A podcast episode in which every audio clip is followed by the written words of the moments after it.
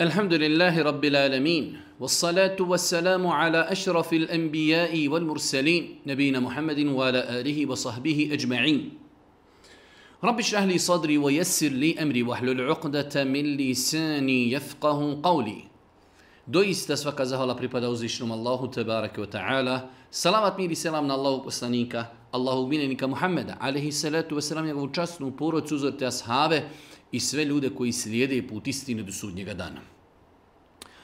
Uvažena braću i poštovane sestre, uvaženi, prisutni, evo nas u još jednoj emisiji u kojoj se družimo s vašim pitanjima i vašim dilemama koje vi u pismenoj formi šaljete na naš e-mail. Ponavljamo po zna koji put, doista je mnogo pitanja koja stižu na našu adresu i skoro pa nemoguće da odgovorimo kroz emisije na sve e-mailove. Ovo je naša 146. emisija, ako smo dobro brojali. Prvo pitanje, Radim već neko vrijeme u Njemačku u jednoj mesari gdje se kolju svinje i obrađuju se, obrađuje se svinsko meso. Da li, e, da li je to jednostavno haram ili ne? Hvala unaprijed. E, muslimanima je uzvišen Allah subhanahu wa ta'ala zabranio svinjetinu. Samim time e, bilo kakav dodir eh, u afirmiranju svinjetine i svinskog mesa je muslimanima zabranjen. To znači što je zabranjeno nama ne znači da mi možemo nekim drugim ljudima to eh, pripremati, raditi, klati i tako dalje. Allah kaže u Kur'anu وَتَعَوَنُوا عَلَى الْبِرِّ وَتَّقْوَ وَلَا تَعَوَنُوا عَلَى الْإِثْمِ Podpomažite se u dobru, podpomažite se na bogobojaznosti, a nemojte se potpomagati u grijehu. Mi kada nekome priređujemo, koljemo e, svinjetinu, mi na taj način e, ljude pomažemo u činjenju grijeha, tako da e, musliman vjernik ako radi u mesnici, treba da to bude mesnica koja radi i posluje na halal islamski način, čak i mesnica u kojoj su životinje koje su jestive po islamu kao krava, tele ili nešto drugo. Ako se ne kolju na ispravan šerijetski način i to meso je također sporno. U svakom slučaju odgovor na ovo pitanje Musliman vjernik nije mu dozvoljeno da radi u mesnici gdje on mora klati svinje i obrađivati i pripremati svinsko meso. Drugo pitanje, da li istina da u islamu moramo se brijati ispod pazuha i oko stidnih dijelova tijela svakih 40 dana? Jedan drug mi je to rekao, ja mu vjerujem, ali želim biti siguran.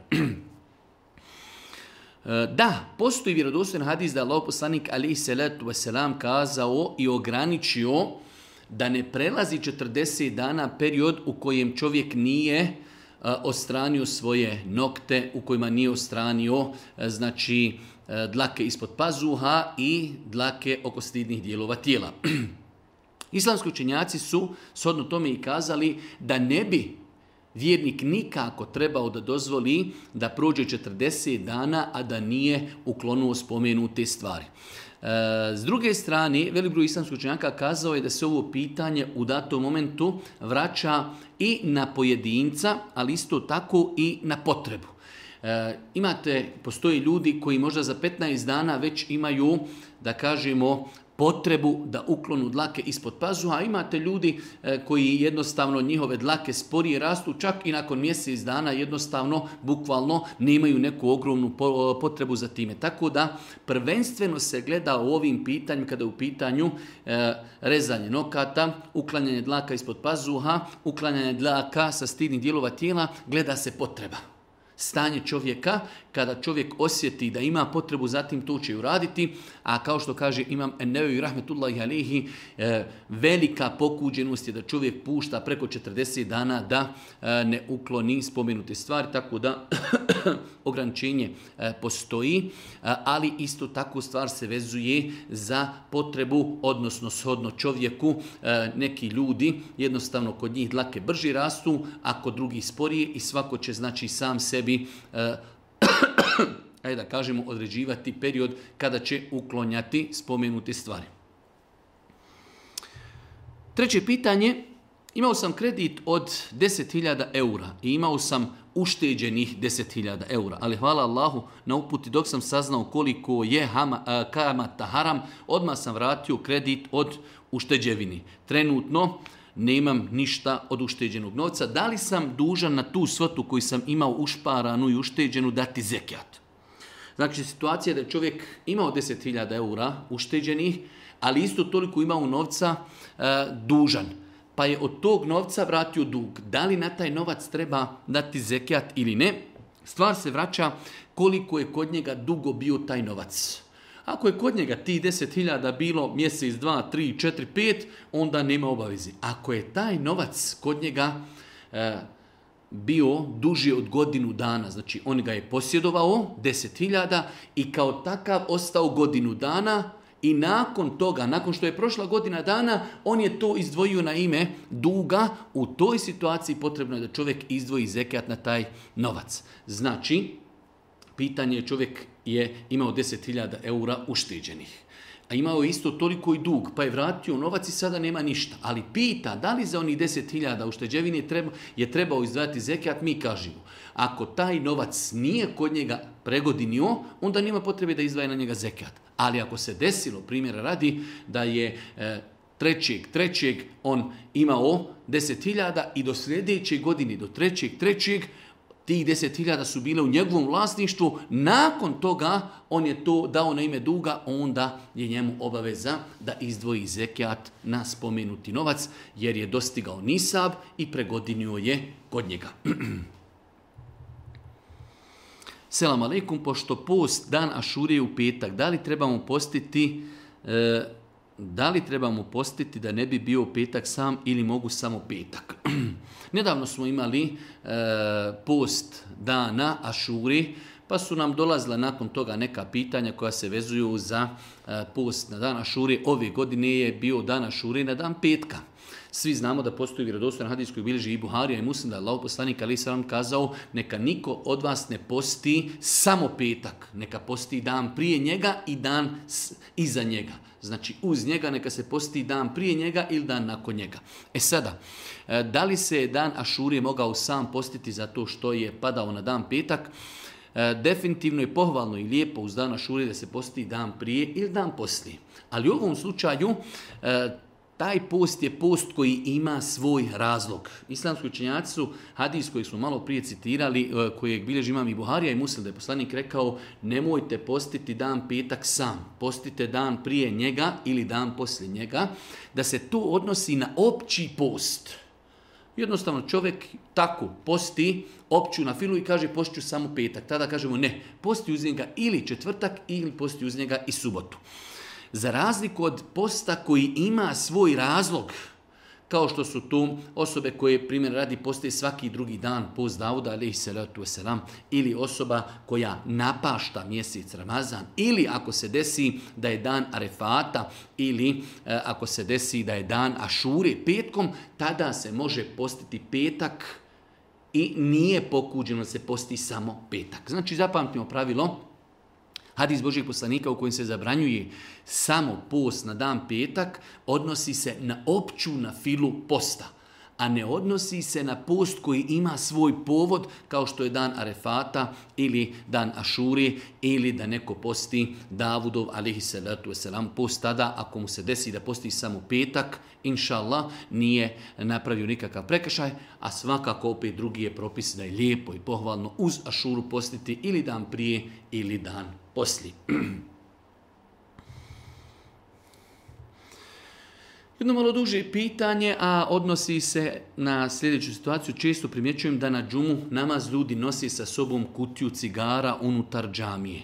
Na kraju je pitanje da li unošenje cigara u džamiju kvari abdest. Znači čovjek vidi da ljudi unose sa sobom u džamiju duhan. Neko drži u džepu, neko pored sebe i tako dalje.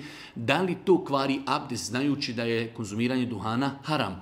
Eh, unošenje cigara u džamiju je definitivno pokuđeno. Unosimo nešto što je haram. Zamislite kada bi čovjek unio sa sobom eh, u kesi kilu svinjetini ili kada bi čovjek unio sa sobom eh, u džamiju litar alkohol. Kako bi ga mi gledali? ali pošto smo se mi naviknuli na duhan, to nam skoro u jednu ruku i ne smeta, ali unositi duhan u džamiju kojeg mi konzumiramo definitivno ne doliči vjerniku, mu'minu koji ulazi u Božiju kuću da u džepu na vidno mjesto i pored sebe ili na prozor ljudi stavljaju duhan, ali opet s druge strane, bez obzira što je to pokuđeno i što e, pokazuje da čovjek ne respektuje gospodara niti njegovu kuću, opet to nema nikakve veze sa abdestom. Mi smo uzeli abdest, to što smo unijeli duhan u džamiju, što smo prekršili kodeks ponašanja u džamiji, to definitivno jesmo, ali to nema nikakve veze sa našim abdestom. Tako da, kada vidimo nekoga da je unio duhan u džamiju, ostavio ga na prozor pored sebe, treba mu kaz kazati, brate Hadžija, šta misliš da je neko unio litar alkohola ovdje, kako bi reagirali, ili kilo svinjetini, kako bi reagirali. Duhan je isto, znači, ne mora značiti isto na istom levelu, ali je zabranjen zato što je to uništavanje imetka, uništavanje ljudskog zdravlja i drugim ljudima to smeta, tako da definitivno e, e, unošenje cigara, duhana javno u džamiju je pokazatelj nepoštovanja Allahovih granica, ali bez obzira to nema nikakve veze sa abdestom.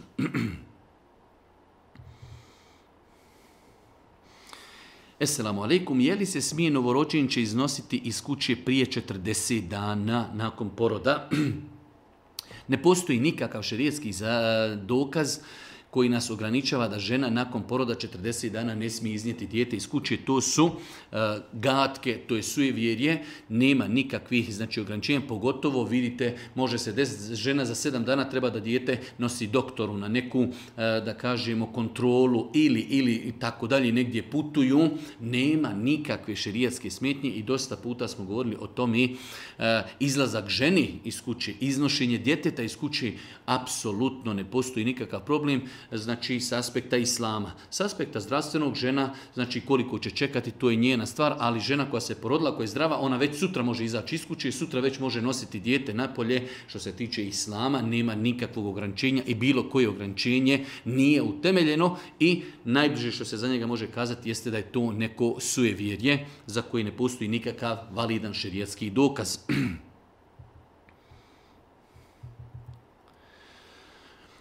poštovanje, interesuje me da li se može pravoslavka vjenčati u džami ili mora prvo preuzeti islam. Ovdje se znači postavlja pitanje da li žena koja nije muslimanka, koja je znači pravoslavka, da li može ona da se, kada se udaje za muslimana, da se vjenčanje obavi u džamiji i da li mora prije vjenčanja da primi islam. E, mi smo više puta govorili, žena muslimanka se nikada ne može udati za nemuslimana i takav brak je neispravan, za razliku od muslimana E, kada im je uzviše Allah katala dozvolio da žene, žene koje su ehlul kitabike, a to se misli kršćanke i misli se na židovkinje pod uvjetom da su čestite i moralne. Samim time, dok je gospodar zemlje i nebesa dozvolio ljudima da stupe u brak sa kršćankama, samim time to znači da ona može da uđe u džamiju i da se vjenča bez da primi islam.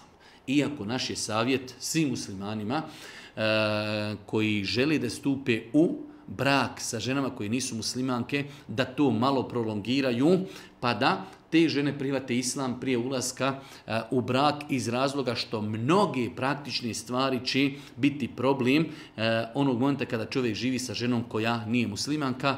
Sutra dolazi djeca, sutra dolazi odgoj djeci, eh, žena hoće li nositi hijab, neće nositi hijab, hoće na plažu, neće na plažu, jede svinjetinu, ne jede svinjetinu, pije alkohol, ne pije alkohol, ima svoje neke ibadete koje ona prakticira i svoje vjere i tako dalje. Tako da odgovor definitivno nema nikakve smetnje da kršćanka koja se udaje za muslimana uđe u džamiju i da se na taj način obavi vjenčanje u džamiji, ali mi ne preporučujemo nikako da čovjek stupa u brak sa kršćankama ili židovkinjama sve dok one ne prime islam. Osmo pitanje, zadesio sam se u džamiji na jaci namazu, kad nije bilo efendije i ljudi su mene izabrali da predvodim namaz. Nakon namaza sjetio sam se da u stvari nisam imao abdest kako postupiti. znači situacija je koja se može desiti i efendiji i ne efendiji, ali u ovom slučaju čovjek je bio u džematu, nije došao efendija, pa su njega, hajde da kažem, predložili da predvodi ljudi u namazu. Kada je završio sa namazom, sjetio je se da nema abdest. U ovakvim slučajima islamski učenjaci su kazali da možemo biti u jednoj od dvije situacije. Imamo situaciju da čovjek u toku namaza izgubi abdest. Čovjek je došao pod abdestom, ušao je u mihra, počeo klanjati i izgubi abdest. U takvoj situaciji čovjek treba da prekini namaz i nekoga iz prvog safa da probaci mjesto njega e, da klanja namaz i zato je pohvalno i lijepo da uvijek iza efendije ili imama klanjaju ljudi koji mogu preuzeti namaz ako bi se desilo da imam, ne daj Bože, izgubi abdest ili da nešto pogriješi i tako dalje. To je situacija da u namazu čovjek izgubi abdest i obaveza mu je, ali obaveza, veliki grijeh bi bio da čovjek nastavi svjesno znajući da ima abdest. Druga situacija je da čovjek se sjeti da nema abdesta nakon namaza. Znači čovjek predvodio ljudi na namazu, predao selam, došao kući i sjeti se da nema abdest. U takvoj situaciji imamo fetvu e, i od Omera, i Osmana, i Ali. Trojice, znači pravedni halifa, da u takvoj situaciji čovjek treba samo da on ponovi namaz. Znači, desilo se čovjek predvodio ljudi u namazu bez abdesta. Došao kući, sjeti se, nisam imao. Ono, ne može sad ići obilaziti ljude, da sjeti ko je sve bio u džematu, da im ka ne. Znači, dovoljno je da on samo ode abdesti, da ponovi svoj namaz, a namaz džematlija za njim je ispravan i validan. Da li je muškarcu dozvoljeno da čupa prostor između obrva, a ako nije dozvoljeno postoji li neka alternativa? E, generalno čovjek vjernik bi trebao e, u osnovi da bude zadovoljan sa oblikom njegovog tijela onako kako mu je to dao gospodar uzvišenja. Allah subhanahu wa ta'ala. U nekim situacijama doista postoje neke, da ih nazovem, vanredne situacije kada e, kod muškaraca ili kod žena jednostavno obrve budu toliko bujne pa se nekada ispoje da jednostavno e, to u društvu privlači pažnju i tako dalje. U takvim slučajima da li je dozvoljen taj prostor koji u osnovi kod većini 99,9% ljudi je prazan. Da li je čovjeku to dozvoljeno da e, počupa?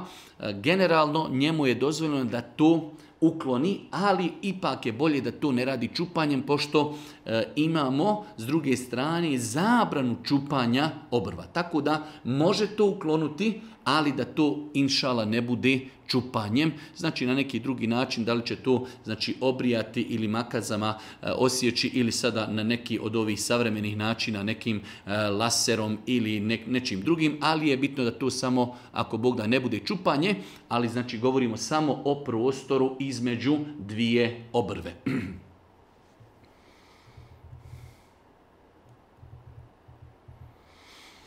Deseto pitanje, eselamu alaikum, žena koja klanja pet vakata dnevnih namaza, ali nije pokrivena i ne želi još da se pokrije i pod uticajem stalnog opominjanja od strane muža. Ona se na kraju pokrije radi njegovog hatura i da njemu udovolji. Da li je takav hijab ispravan takvi ženi?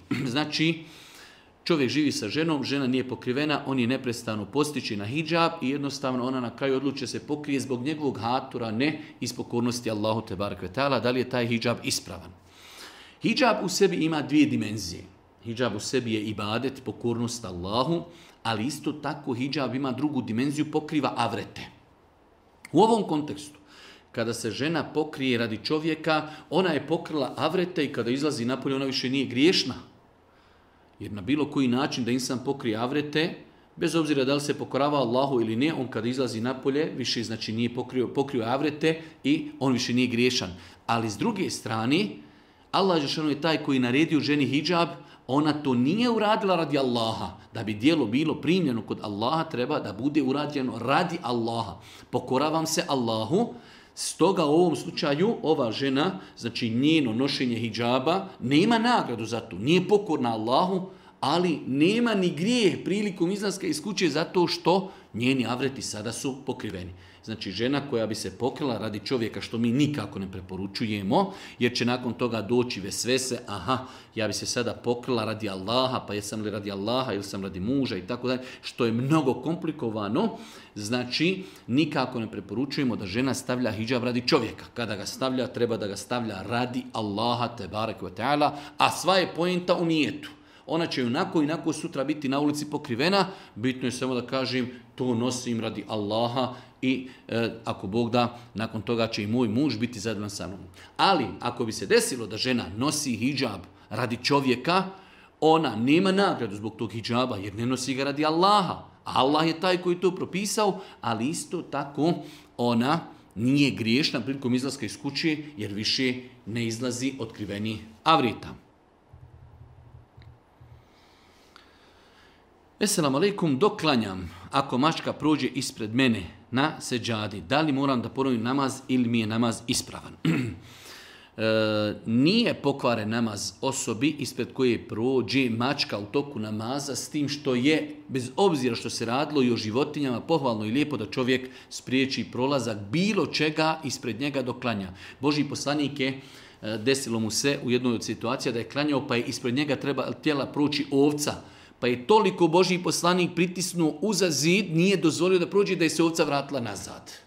Tako da iz toga disa uzimamo e, da čovjek ako može spriječiti čak i prolazak životinji ispred klanjača, lijepo je da to uradi, ali ako bi se desilo čovjek da je se zamislio mačka je i niska životinja, da znači mačka proleti ispred čovjeka u namazu, nema nikakve smetnje i njegov namaz je potpuno, potpuno ispravan. Esselamu alaikum, preselio mi je supru prije nekoliko dana. Moja je želja da za njega napravim nešto, da napravim neki hajr kako bi se drugi koristili, a njemu Allah da upiše sevap vratit ću njegove dugove, pomoću njegovoj majci i tako dalje, šta mogu sve da uradim za njega. Ono, prva stvar što je ovo za jedne lijepe pohvali, da imamo takve bračne supružnike, da znači i čovjek kada je preselio, njegova supruga se interesuje kako i na koji način da e, znači e, učini neki hajr za njega, pa će vratiti njegove dugove, pazit će na njegovu majku i tako dalje, što je do, definitivno za velike pohvale, pogotovo u današnje vrijeme.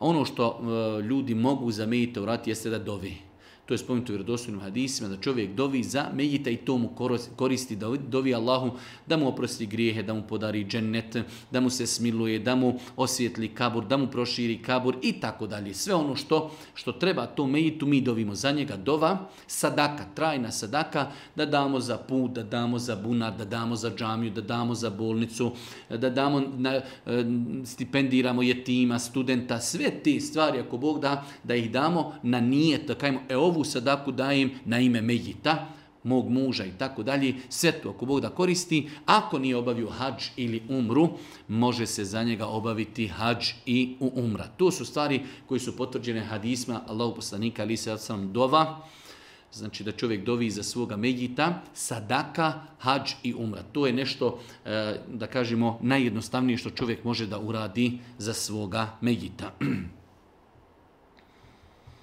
13. pitanje. Danas dok sam bacao smeće, ugledao sam pored kontejnjera Kur'an. U maloj verziji bez korica, pokisao i falilo mu je nekoliko stranica. Uzeo sam taj Kur'an, interesuje me šta je ispravno da postupim sa ovim Kur'anom.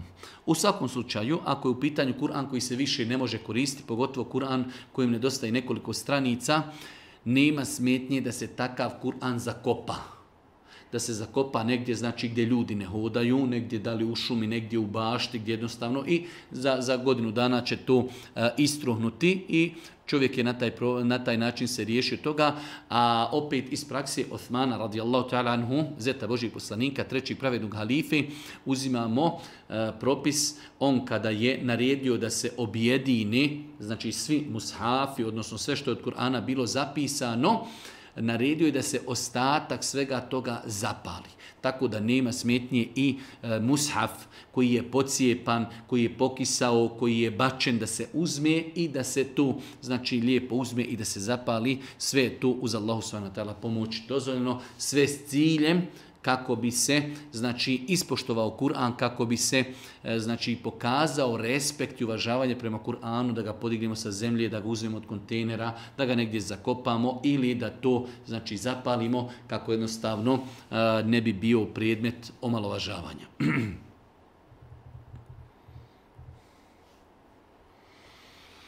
Assalamu alaikum halalite, na javljanju prvi put pišem, ako možete da me posavjetuju, smužen sam pred razvodom, deset godina braka i troje djece. Živimo u pola kući sa krvom.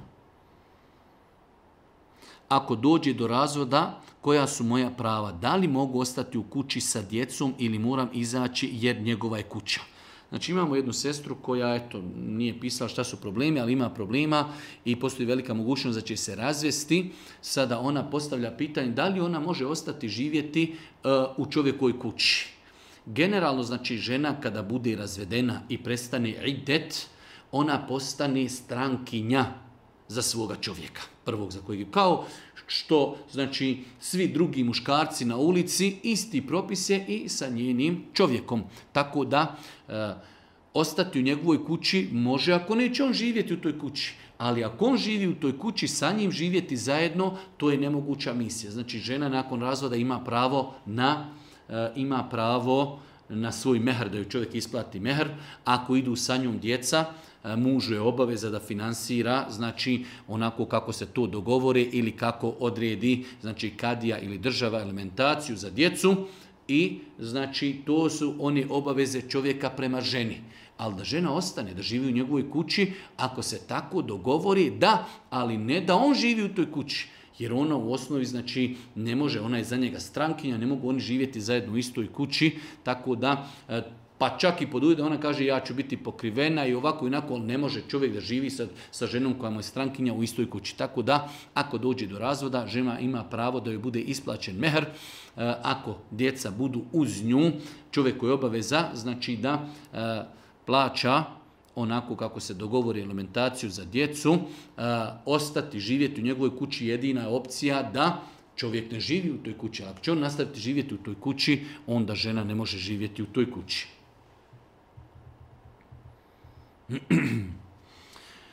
Petnaesto pitanje. Moji roditelji hrane piliće i do sada su ih oni klali na širijetski ispravan način. Međutim, Ove godine su platili nekom čovjeku da ih zakolje, nisam bila prisutna taj dan kada sam ih pitala, rečeno mi je da je musliman i objasnili su mi način kako je klao i to je ispravno. Ono što ne znam jeste da li je proučena bismila tokom klanja, da li se to meso smije konzumirati. Znači imamo jednu sestru, njeni roditelji e, kolju piliće i ona zna da je to sve ispravno. Desilo je se da je došao neko drugi koji je klao piliće, E, čovjek je musliman, oni kada su spomenuli kako je klao, e, sestra je shvatila da je e, način klanja ispravan. Ostaje što ona sada ne zna da li je taj čovjek govorio bismila kada je klao životinje. Imamo hadis koji bilježi imam Buharija da je to je nam kazala Boži poslaniće postoje ljudi koji su tek primili islam i donosi na meso. Mi ne znamo da li su oni prilikom klanja mesa rekli bismila ili ne. Pa je Boži poslanik, ali Selam kaže, recite vi bismillah i jedite. Tako da je to jedno veliko pravilo kada su u pitanju muslimani. Ovdje govorimo o muslimanima. Znači, ako znamo da je neko musliman zaklao na ispravan način, isto tako ispravan način, ne smeta to što ne znamo je rekao bismila ili ne, dovoljno da mi kažemo bismila i da jedimo. Čovje su klauzule mnogo bitne. Znači, treba da je zaklano na ispravan način, treba da je to zaklao musliman, a ne moramo mi znati je li rečeno bismillah. Dovoljno je da mi kažemo bismillah, Boži poslanik je to jasno odobrio u ovom hadijskoj bilježi imam Buharija, znači Aisha radi Allah kaže Boži poslaniće, ljudi nam donose meso, ali tek su primili islam. Možda ne znaju propise, mi ne znamo da li su oni rekli bismillah ili ne. Kaže Boži poslanik, vi recite bismillah i jedite. Tako da u slučaju, ako ova sestra kaže, rekli su mi kako je čovjek klao i znam da je ispravno klato, ali nisam, ne znam je li rekao bismila, ne treba da nas interesuje da li rekao bismila, mi ćemo prilikom jedenja, konzumiranja tog mesa kazati bismila i ako Bog da, to je dovoljno.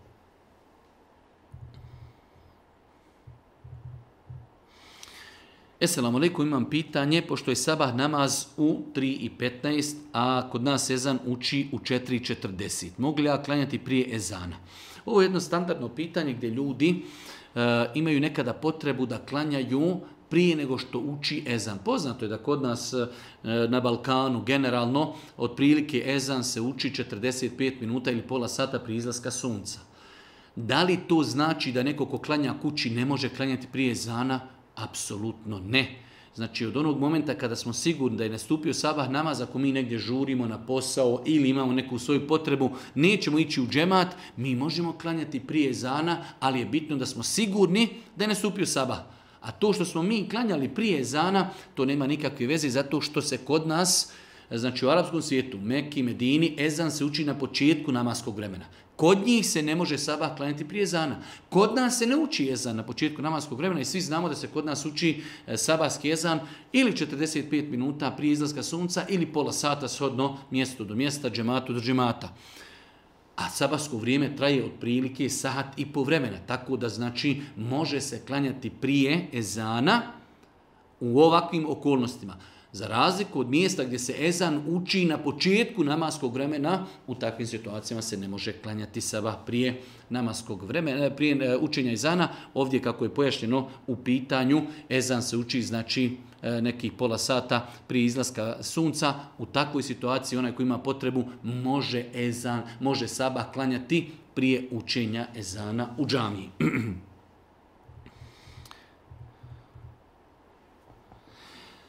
Pitanje, imam pitanje za svoju majku. Porodila se početkom Ramazana i onda je nakon par dana novorođenče preselilo. Ona je tada bila u tuzi i nije postila. Niti imala snage, tek porođena. Osoba u koju ona ima povjerenje ju je rekla da ne mora napostiti taj mjesec. Pa me interesuje vaše mišljenje. Znači imamo jednu sestru, porodila se, dijete je umrlo i bila je mnogo tužna, a izdravstveno je bila bolesna, nije mogla postiti i sada neka osoba koja, e, koju ona mnogo vjeruje rekla je da nima potrebe i da tu treba napostiti, što je apsolutno netačno. I ovdje vidimo koliko je bitno da ne dozvolimo da postavljamo pitanja o vjeri osobama koje nisu kompetentne. Znači žena koja nije postila Ramazan zato što je bila bolesna i zato što je bila porođena mora napostiti. Ne, i nije mi poznato da postoji u historiji Islama 1600 godina neko od učenjaka koji je rekao zato što je žena bila tužna, zato što je bila bolesna, da ne mora napaštati e, Ramazan. Znači mi ne ulazimo u razlog, ali nadamo se inšala da je razlog zato što žena nije postila opravdan, ali u svakom slučaju dani koji nisu E, znači koji nije postilo u Ramazanu, moraju se do narednog Ramazana, ako Bog da, napostiti kao vid obavezi. 18. pitanje, da li može jagnje da se kolje za kiku ili samo ovca, deva ili krava? Allah vas Generalno, islamski činjaci su postavili pravilo da u osnovi sve što se vezuje za propis kurbana, to se vezuje i za akiku. Mi kada smo govorili o, klanju kurbana kazali smo da je obaveza da životinja dostigne zrelost da bi se mogla klati za kurban. Znači krava da ima dvije godine, e, deva pet, e, koza cijelu godinu, a ovca došao je izuzetak da je Boži poslanik ali Selam dozvoljavao da se kolje za kurban ovca starija od šest mjeseci. Tako da ako to može za kurban, onda to može i za akiku. Znači za akiku možemo zaklati janje koje je starije od 6 mjeseci i koje je, znači, hajde da kažemo poprilično krupno, da nalikuje životinjama, eh, ovcama koje imaju već godinu dana. Tako da nema smetnje inšala da se zakolje eh, za kurban eh, jagnje od 6 mjeseci pa više. Ja klanjam već par godina, ali imam tetovaže i strah me je i da ih pokušam ukloniti jer sam čuo da je to opasnije za kožu od samog tetoviranja. Naravno da se kajim imate li mi nešto savjetovati. Standardno e, tetoviranje u islamu i tetovaža je jedan od velikih, velikih grijeha. Allah poslanik je prokleo oni koji tetoviraju, rade tetovažu i oni na kojima se tetovira. Svakako, kao što se čovjek može pokajati od kufra, od bluda, od alkohola, može se pokajati, pokajati i od tetovaži, s tim što tetovaža ostaje. Zato su kazali islamski učenjaci, čovjek ako ima mogućnost da ukloni tetovažu, to je lijepo. Ali nije obavezno u smislu, čovjek kada se pokaje od grijeha, to su neke posljedice, ako i može riješiti, može, ako ne može, nije mu obaveza. E, što se tiče štetnosti za kožu, ja bi tu stvar vratio na medicinu, vratio bi na osobe iz struke da se sa njima porazgovara ako oni doista kažu da uklanjanje tetovaži šteti ljudskoj koži, viši od sami tetovaži i da to može uzrokovati oboljenja kože, rakove koži, onda svakako da nije čovjeku obaveza da uklanja tetovažu. Ako postoji metode, načini uklanjanja tetovaži koji su bezbolni, koji nemaju nikakve štetne posljedice, onda to čovjek treba i uraditi. U svakom slučaju, teuba i pokajanje od tetovaži može biti i bez uklanjanja tetovaži. Ako možemo na, e, da kažemo, način koji nije štetan za ljudsko zdravlje i ljudsku kožu ukloniti tetovažu, lijepo je. Ako ne možemo, ako to šteti ljudskoj koži, onda ćemo tetovažu ostaviti i teuba i pokajanje bez toga je inšala ispravna i potpuna.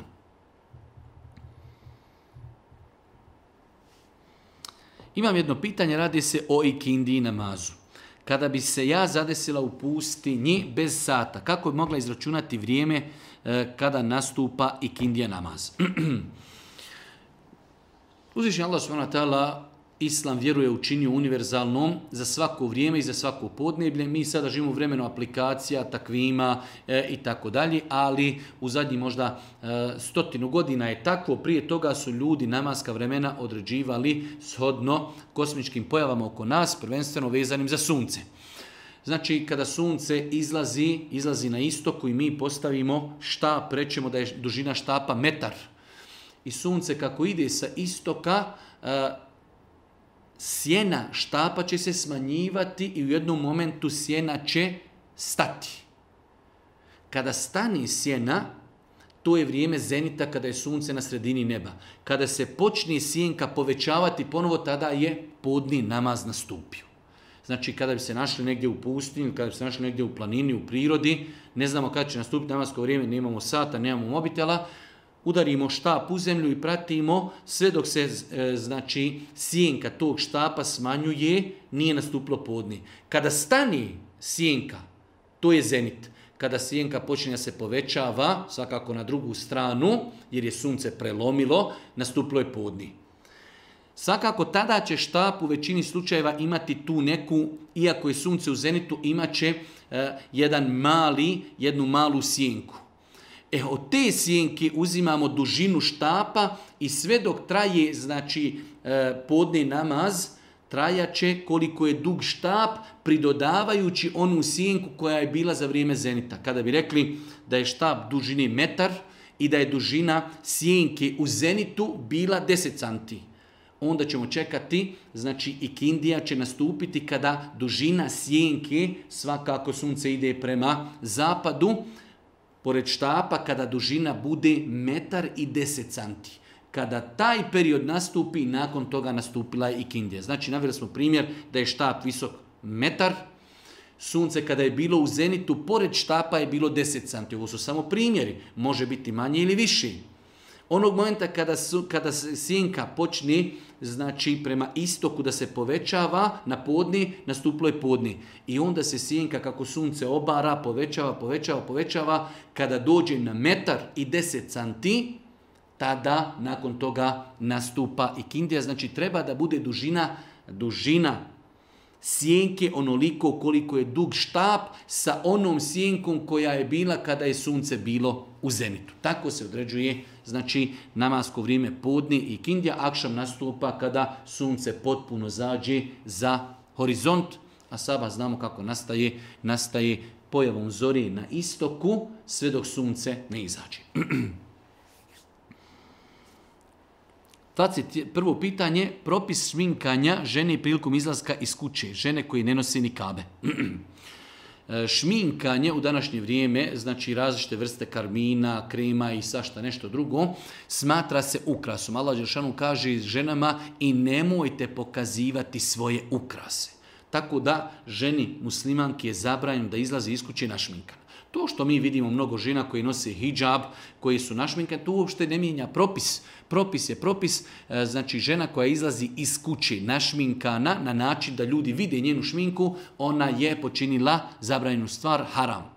Osim u slučaju da žena se našminka i preko toga nosi nikab i jednostavno ide kod neke druge žene, kod neke sestre u posjetu i tako dalje, kada dođe kod njih skine nikab, u takvoj situaciji e, žena koja izlazi našminkara nije griješna, ali žena koja se našminka, da li je to u pitanju karimin, da li je to u pitanju šminka oko očiju i tako dalje, E, takva žena, ako se njena šminka vidi prilikom izlaska iz kuće, ona je griješna zbog toga jer uzvišnji Allah s.w.t. naredio ženama da svoje ukrase pokriju i ne pokazuju prilikom izlaska iz kući. Pitanje da li je dozvoljeno učestvovati na turnirima bilijara u kojima učesnici plaćaju kotizaciju i učešće. Nakon toga E, znači jedan od učesnika dobiva prvu nagradu, drugi drugu i tako dalje. E, nije dozvoljno učestvati na bilo kakvim utjeca, e, da kažemo, aktivnostima, natjecanjima u kojima učesnici plaćaju učešće. Ovo je pravilo, da li to bio bilijar, da li to bio futbal, da li to bila košarka, da li to bio hokej na ledu, bilo gdje gdje se pravi turnir gdje mi moramo platiti učešće 50 maraka, dobit ćemo prvu nagradu 1000, drugu 800, treću 600 i tako dalje. Zabranju zato što je to vid kocki.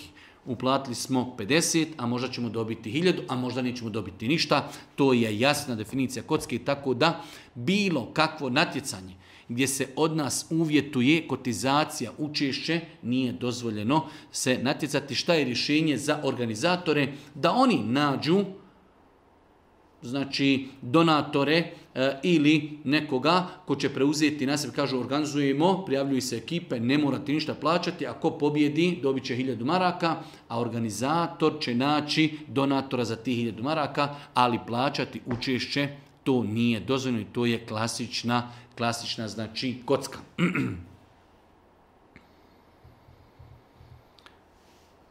Može li se pokriti žena koja klanja samo tri namaza dnevno? Svakako da može. Žena koja klanja tri namaza dnevno, ima grije što ne klanja još dva namaza i ima grije što je otkrivena. Kada se pokrije, ona je, alhamdulillah, pokrivena, klanja tri namaza, ostalo još da pokrije, još da krini, da klanja ostala dva namaza. Tako da svakako da žena koja još nije, da kažem, učvrstila sve namaze, treba da se potrudi da što prije utegne i uveže i da klanja svi pet vakata namaza u toku dana, ali to nema nikakve veze sa mahramom u kontekstu mora li čeka da počne klanjati pet namaza pa da se pokrije. Apsolutno ne. Znači, svakako treba da se što prije pokrije kako bi što manje grijeha činila prilikom izlaska iz kući. da li je dozvoljeno podignuti kredit kamatni drugoj osobi? Znači, osoba nas zamoli i kaže imam potrebu ali iz nekih razloga jednostavno e, blokiran sam, ne mogu da podignem e, kredit, možeš ti podići za mene kredit kamatni, a ja ću vraćati. Svakako da je to vid učestvovanja i potpomaganja kamate. Allah poslanik ali se nam kazao i onaj ko da, i onaj ko uzima, i onaj ko svjedoči, i onaj ko piši. Svi koji su dijelom tog kamatnog sistema i dijelom kamatne pozajmice, Boži poslanik je kazao da su isti u propisu, da su prokleti i da je to zabranjeno, tako da podići nekome drugom kredit kamatni, svakako da smo mi saučesnici u svemu tome, zato ne treba biti e, na usluzi takvim, niti biti žirant. Nekad se desi da čovjek, hajde nešto dignuće kamatni kredit, evo ja ću biti, samo ti trebaš biti žirant. Zabranjeno je biti žirant ako je u pitanju kamatni kredit. 25. pitanje, zanima me da li žena koja je u hajzu ima nagradu za ibadete koje bi radila da nije u hajzu? Jedno interesantno i lijepo pitanje. Znači, žena koja redovno klanja namaz, klanja duha namaz, uči Kur'an, posti na file i tako dalje, u hajzu to ne može raditi, ne može klanjati, ne može postiti, da li će ona imati nagradu ako je doista imala namjeru, primjer radi, žena ima namjeru da posti ponedjeljak i u ponedjeljak se desi da je dobila hajz. Da li će imati nagradu? Da. Innamel a'malu bin nijat, doista se djela vrednuju po namjerama. S druge strane, Allah poslanik je kazao u vjerodostojnom hadisu, kada čovjek otputuje ili kada se razboli, imat će upisanu nagradu za sve ono što je radio dok je bio zdrav i dok je bio kod kući. Jer čovjek kada je bolestan umanji i badete. Kada je na putu umanji i badete. Pa Allah Đeršanu i svoje milosti je dao da meleki upisuju ono što je čovjek radio dok je bio zdrav i dok nije otputao. Primjer radi ako je čovjek dok je zdrav svaki dan klanjao duha namaz, zikrio, e, davao sadaku, klanjao na file, učio kur i razboli se jednostavno u bolnici je, u komije ne može. Meleki upisuju sva dobra djela koja je on radio dok je bio zdrav, jer Allah je taj koji zna da onda je zdrav, on bi to i dalje radio. Pa mu upisuju sodno namjer. Tako i žene koje su mjesečnici, dio učenjaka je smatrao, inša Allah, milost je velika i smatramo da je to mišljenje ispravno, da žena koja je u hajzu, a ima običaj da određene ibadete radi, ali je spriječena zbog hajza, ona će imati tu nagradu bez obzira što nije uradila ta djela. 26. pitanje Vozim motor i volim brzu vožnju. Vjernik sam i klanjam svakiva. Ukoliko padnim sa motora prilikom brze vožnje i poginim, kakva je to smrt? Interesuje me jer se svakodnevno izlažim takvim riziku, takvom riziku, ali ne bih htio da preselim na taj način koliko se to smatra samoubijstvom. E, čovjek vjernik treba da zna da Allah Žešanhu čovjeku podario njegovo tijelo i da je to emanet. U vjerodostojnom hadisu je došlo da će čovjek na sudnjem danu biti pitan za svoje tijelo kako ga je koristio. Allah nam dao razum i dao nam tijelo. I sada se mi svjesno izlažimo velikim brzinama. Šta je to osim Allah Žešan kaže وَلَا تُلْقُوا بِأَيْدِيكُمْ إِلَ تَهْلُكَ Nemojte se svojim rukama bacati u, eh, bacati u propast. Čovjek će možda stotinu puta voziti, neće ništa biti, a nakon toga jednom će nastradati. I ne samo tu, i ugrožava na taj način sigurnost drugi. Neko ko je bio na cesti, neko ko je bio u drugom autu, ni griv, ni dužan će poginuti, ostati invalid, čitav život i tako dalje. Tako da, kao što kažu islamski učenjaci kada su u pitanju ograničenja, brzine i šta ja znam, slične stvari, čovjek vjernik treba da znači poštuje ograničenja koja su postavile institucije koje su nadležne za to. Tako da znači vjernik ne bi trebao da se poigrava sa motorima, autima, znači da ih vozi nekontrolisano, da se izlaži sebe i svoj život. Naš život je emanet, naše tijelo je emanet. Šta mislite, čovjek mlad, zdrav, i sutra ima neku saobraćajnu nesreću i čitav život invalid.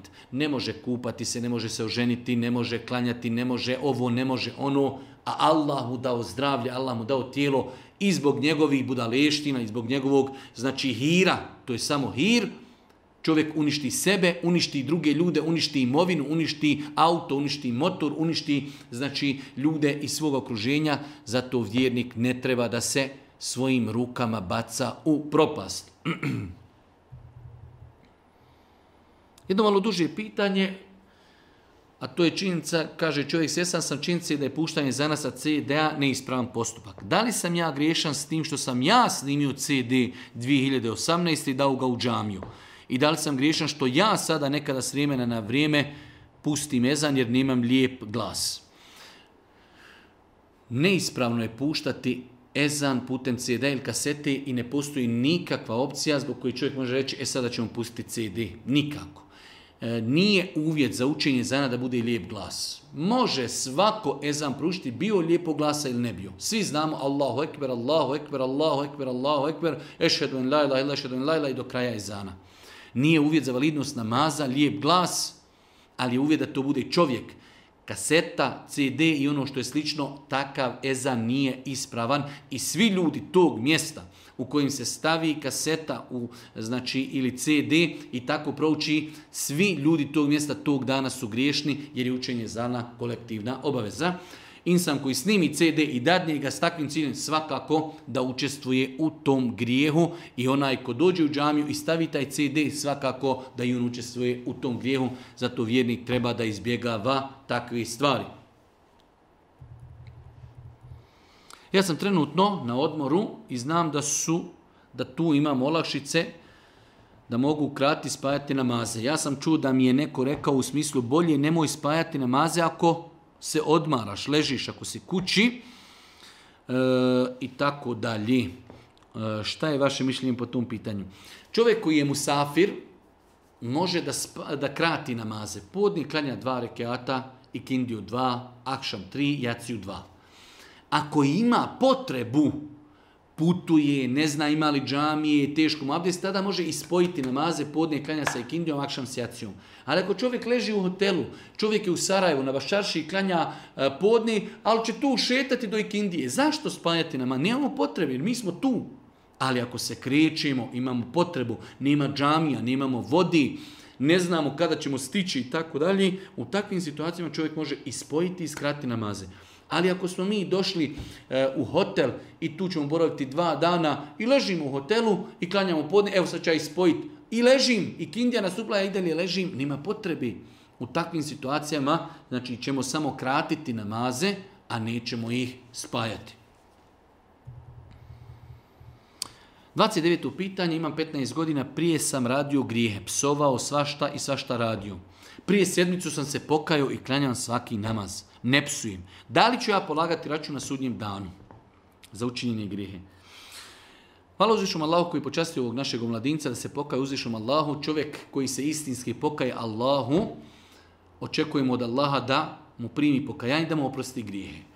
Moramo biti otvoreni, postoji dio učenjaka koji smatra da čovjek na sudnjem danu, bez obzira što se pokajao za grijehe, bit će za njih pitan iako su mu oprošteni ali dio učenjaka je smatrao da čovjek grijeh za kojih se je pokajao neće za njega uopće biti pitan. Bez obzira, znači čovjek koji se na dunjalku pokajao, iako bude pitan, bit će samo pitan u kontekstu da mu se to nabroji, uradio si taj dan to i to, jesam, ali sam se pokajao u redu, završena stvar. Tako da ne treba se sekirati insan koji je radio neki grijeh i pokajao se, kako će na sudnjem danu odgovarati za taj grijeh. I ako bude pitan, bit će pitan samo u kontekstu nabrajanja onoga što je uradio. Ali njegovo pokajanje ga izdiže iznad toga da će odgovarati za to djelo tako da znači istinsko pokajanje Allah subhanahu ta'ala e, biva razum da Allah Žešanu oprosti insanu grijehe i da mu ih isto tako pobriši.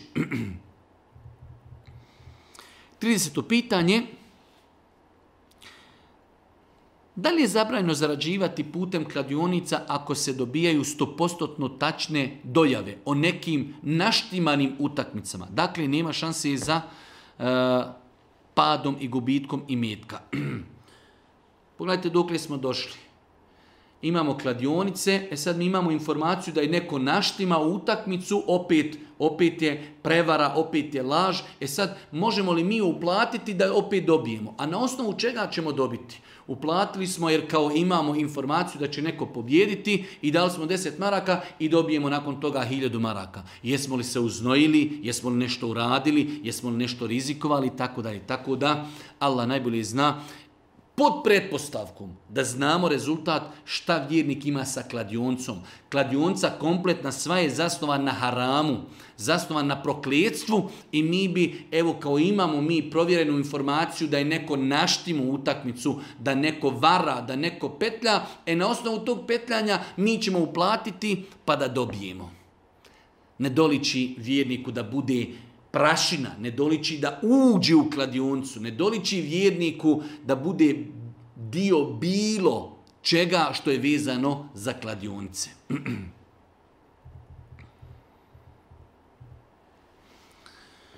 Assalamu alaikum, poštovani Efendija, htio sam vas pitati za pomoć. Imam problem jer imam homoseksualne nagone. Znam da je to haram i veliki grijeh, ali jednostavno mnogo mi je teško da se suzdržim od toga. Nisam upao u taj zinal, hvala Bogu, ali molim vas da im pomognete kako da postupim. znači, ljudi nam se s vremena na vrijeme jave gdje jednostavno ljudi osjeti privlačnost prema e, istom spolu, kako se ponašati u takvim slučajima. Prva stvar, e, definitivno takva stvar pokazuje da ima negdje problem. Allah Đešanu je stvorio čovjeka i čovjek ima privlačnost za suprotnim spolom. Žena ima privlačnost za čovjekom, čovjek ima privlačnost za ženom. To su Allahova pravila na zemlji ali ako se čovjek možda druži sa omladincima koji o tome pričaju, ako mu to promovišu, ako to gledaju, ako to slušaju i tako dalje, ako o tome uči da je to normalno i tako dalje, svakako da može doći u datom momentu da znači šetan insanu uljepša taj grijeh i više nema privlačnost prema ženi, već jednostavno eto njega privlači muškarci. Što u takvim situacijama urati? Prva stvar čovjek treba dobiti Allahu da ga sačuva harama, jer homoseksualizam je jedan od velikih grijeha u islamu. Doviti Allahu da ga sačuva, doviti Allahu da podari insanu da na halal i dozvoljen način zadovoljava svoje strasti. To je prva stvar. Druga stvar, treba odabrati sebi društvo koji promoviše brak, koji promoviše čednost, društvo koji promoviše pozitivne e, moralne vrijednosti u jednom znači društvu u kojem živi i koji se bori protiv anomalija, koji se broje, bori protiv nastranosti. Homoseksualizam apsolutno je jedna od takvih stvari. Znači birati društvo. Ostavljati sve faktore koji vode tomi čitati o tome, gledati o tome, slušati o tome, e, znači družiti sa, osobama koji afirmativno govori o homoseksualnom, Sve to treba spriječiti bilo kakav dolazak informacija pozitivnih o homoseksualizmu. Gospodar zemlje i nebesa stvorio je čovjeka, zna kako čovjek razmišlja, zabranio mu je homoseksualizam, lutov narod je uništen zbog toga. Pa kao što se čuvamo kamati, droge, prostitucije, i mnogi drugi stvari, isto tako se treba čuvati osoba koje promovišu, pozivaju e, e, ovakvim nedjelima. Isto tako treba u ovakvim slučajevima treba borbi, treba strpljenja, jer je došlo do jedni da kažemo, e, promjene prirodi i treba se nositi sa tim. Treba strpljenja, treba znači isto tako požuriti sa stupanjem u brak treba čovjek da požuri sa stupanjem u brak i na kraju tražiti pomoć stručnih osoba koje su vjerničke. Znači, možete otići nekome i kazati svoj problem, čekajmo, ne, to uopšte nije problem. Ne, otići tražiti stručnu pomoć od osobe koja zna da je to islamom strogo zabrajno. Da pomogne čovjeku jer se može desiti da dođu u datom momentu do poremećaja određenih hormona, gdje stručna osoba, doktor medicina, treba čovjeku da propiše određenu terapiju, znači da jednostavno mu e, da terapiju koja će regulirati određene hormone i gdje će čovjek, hajde da kažemo, nakon toga imati e, vezu, potrebu, znači privlačnost za suprotnim spolom, a ne za istim spolom. To su neki savjeti e, znači za one koji imaju ovakva i slična iskušenja. Posljednje pitanje. Selam, htjela sam da pitam da li žena i muž smiju nakon odnosa, intimnog odnosa, da gledaju svoju djecu tačnije, je li moraju odmah da se okupaju, jer kako stari narod prije je govorio, nagrajsa će djeca ako se gledaju takvim očima od roditelja. Znači, pitanje je da li ako čovjek i supruga, supruga i e, njen muž imaju intimni kontakt, dok se ne okupaju, smiju li gledati u svoju djecu? Apsolutno da. Boži poslanik Ali Selam, hadis koji bilježi imam Buharija i Muslim, jedne prilike kroz Medinu je šetao s Ebu Pa kada su sjeli, Ebu Hureyre se lagano izvukao i nakon određenog perioda se vratio, pa poslanik je tu prije kaže gdje si bio o Ebu Hureyre, ne kunta ja Eba Hureyra, kaže Božji poslanik ja sam bio džunup, pa mi je bilo da sti da sjedim pored tebe u džunup, ošao sam se okupati, došao sam. Ali Ebu Hureyre prije toga hodao s poslanikom, razgleda po Medini, pa kaže Boži poslanik veliko pravilo subhanallah innel mu'mine la yanjus mu'min kada je u džunup stanju on nije nečist u smislu nečist stvarno on je nečist ne može klanjati ali ne smeta da mi odemo na posu u džunup stanju bitno je da možemo na stići klanjati podne i Kindju i tako dalje Žena može u džunup stanju da kuha, žena u džunup stanju može da nahrani svoje dijete, da gleda svoje dijete, da obuče svoje dijete i tako dalje. Tako da netačna je konstatacija starina naši koji su govorili da ne smiju roditelji u džunup stanju gledati svoje roditelje, da, to, e, da ne smiju roditelji gledati svoju djecu, da to može biti razlogom da oni nagrajušu kako stoji u pitanju, nema to veze nikakve sa djecom, niti ograisavanjem. Molim uzvišenog Allah subhanahu da nam podari korisno znanje, molim ga subhanahu da nam bude milostiv na sudnjem daju na kraju subhaneke Allahumma bi bihamdike ešhedu en la ilaha ilan stakfiruke, wa etubu ilaik.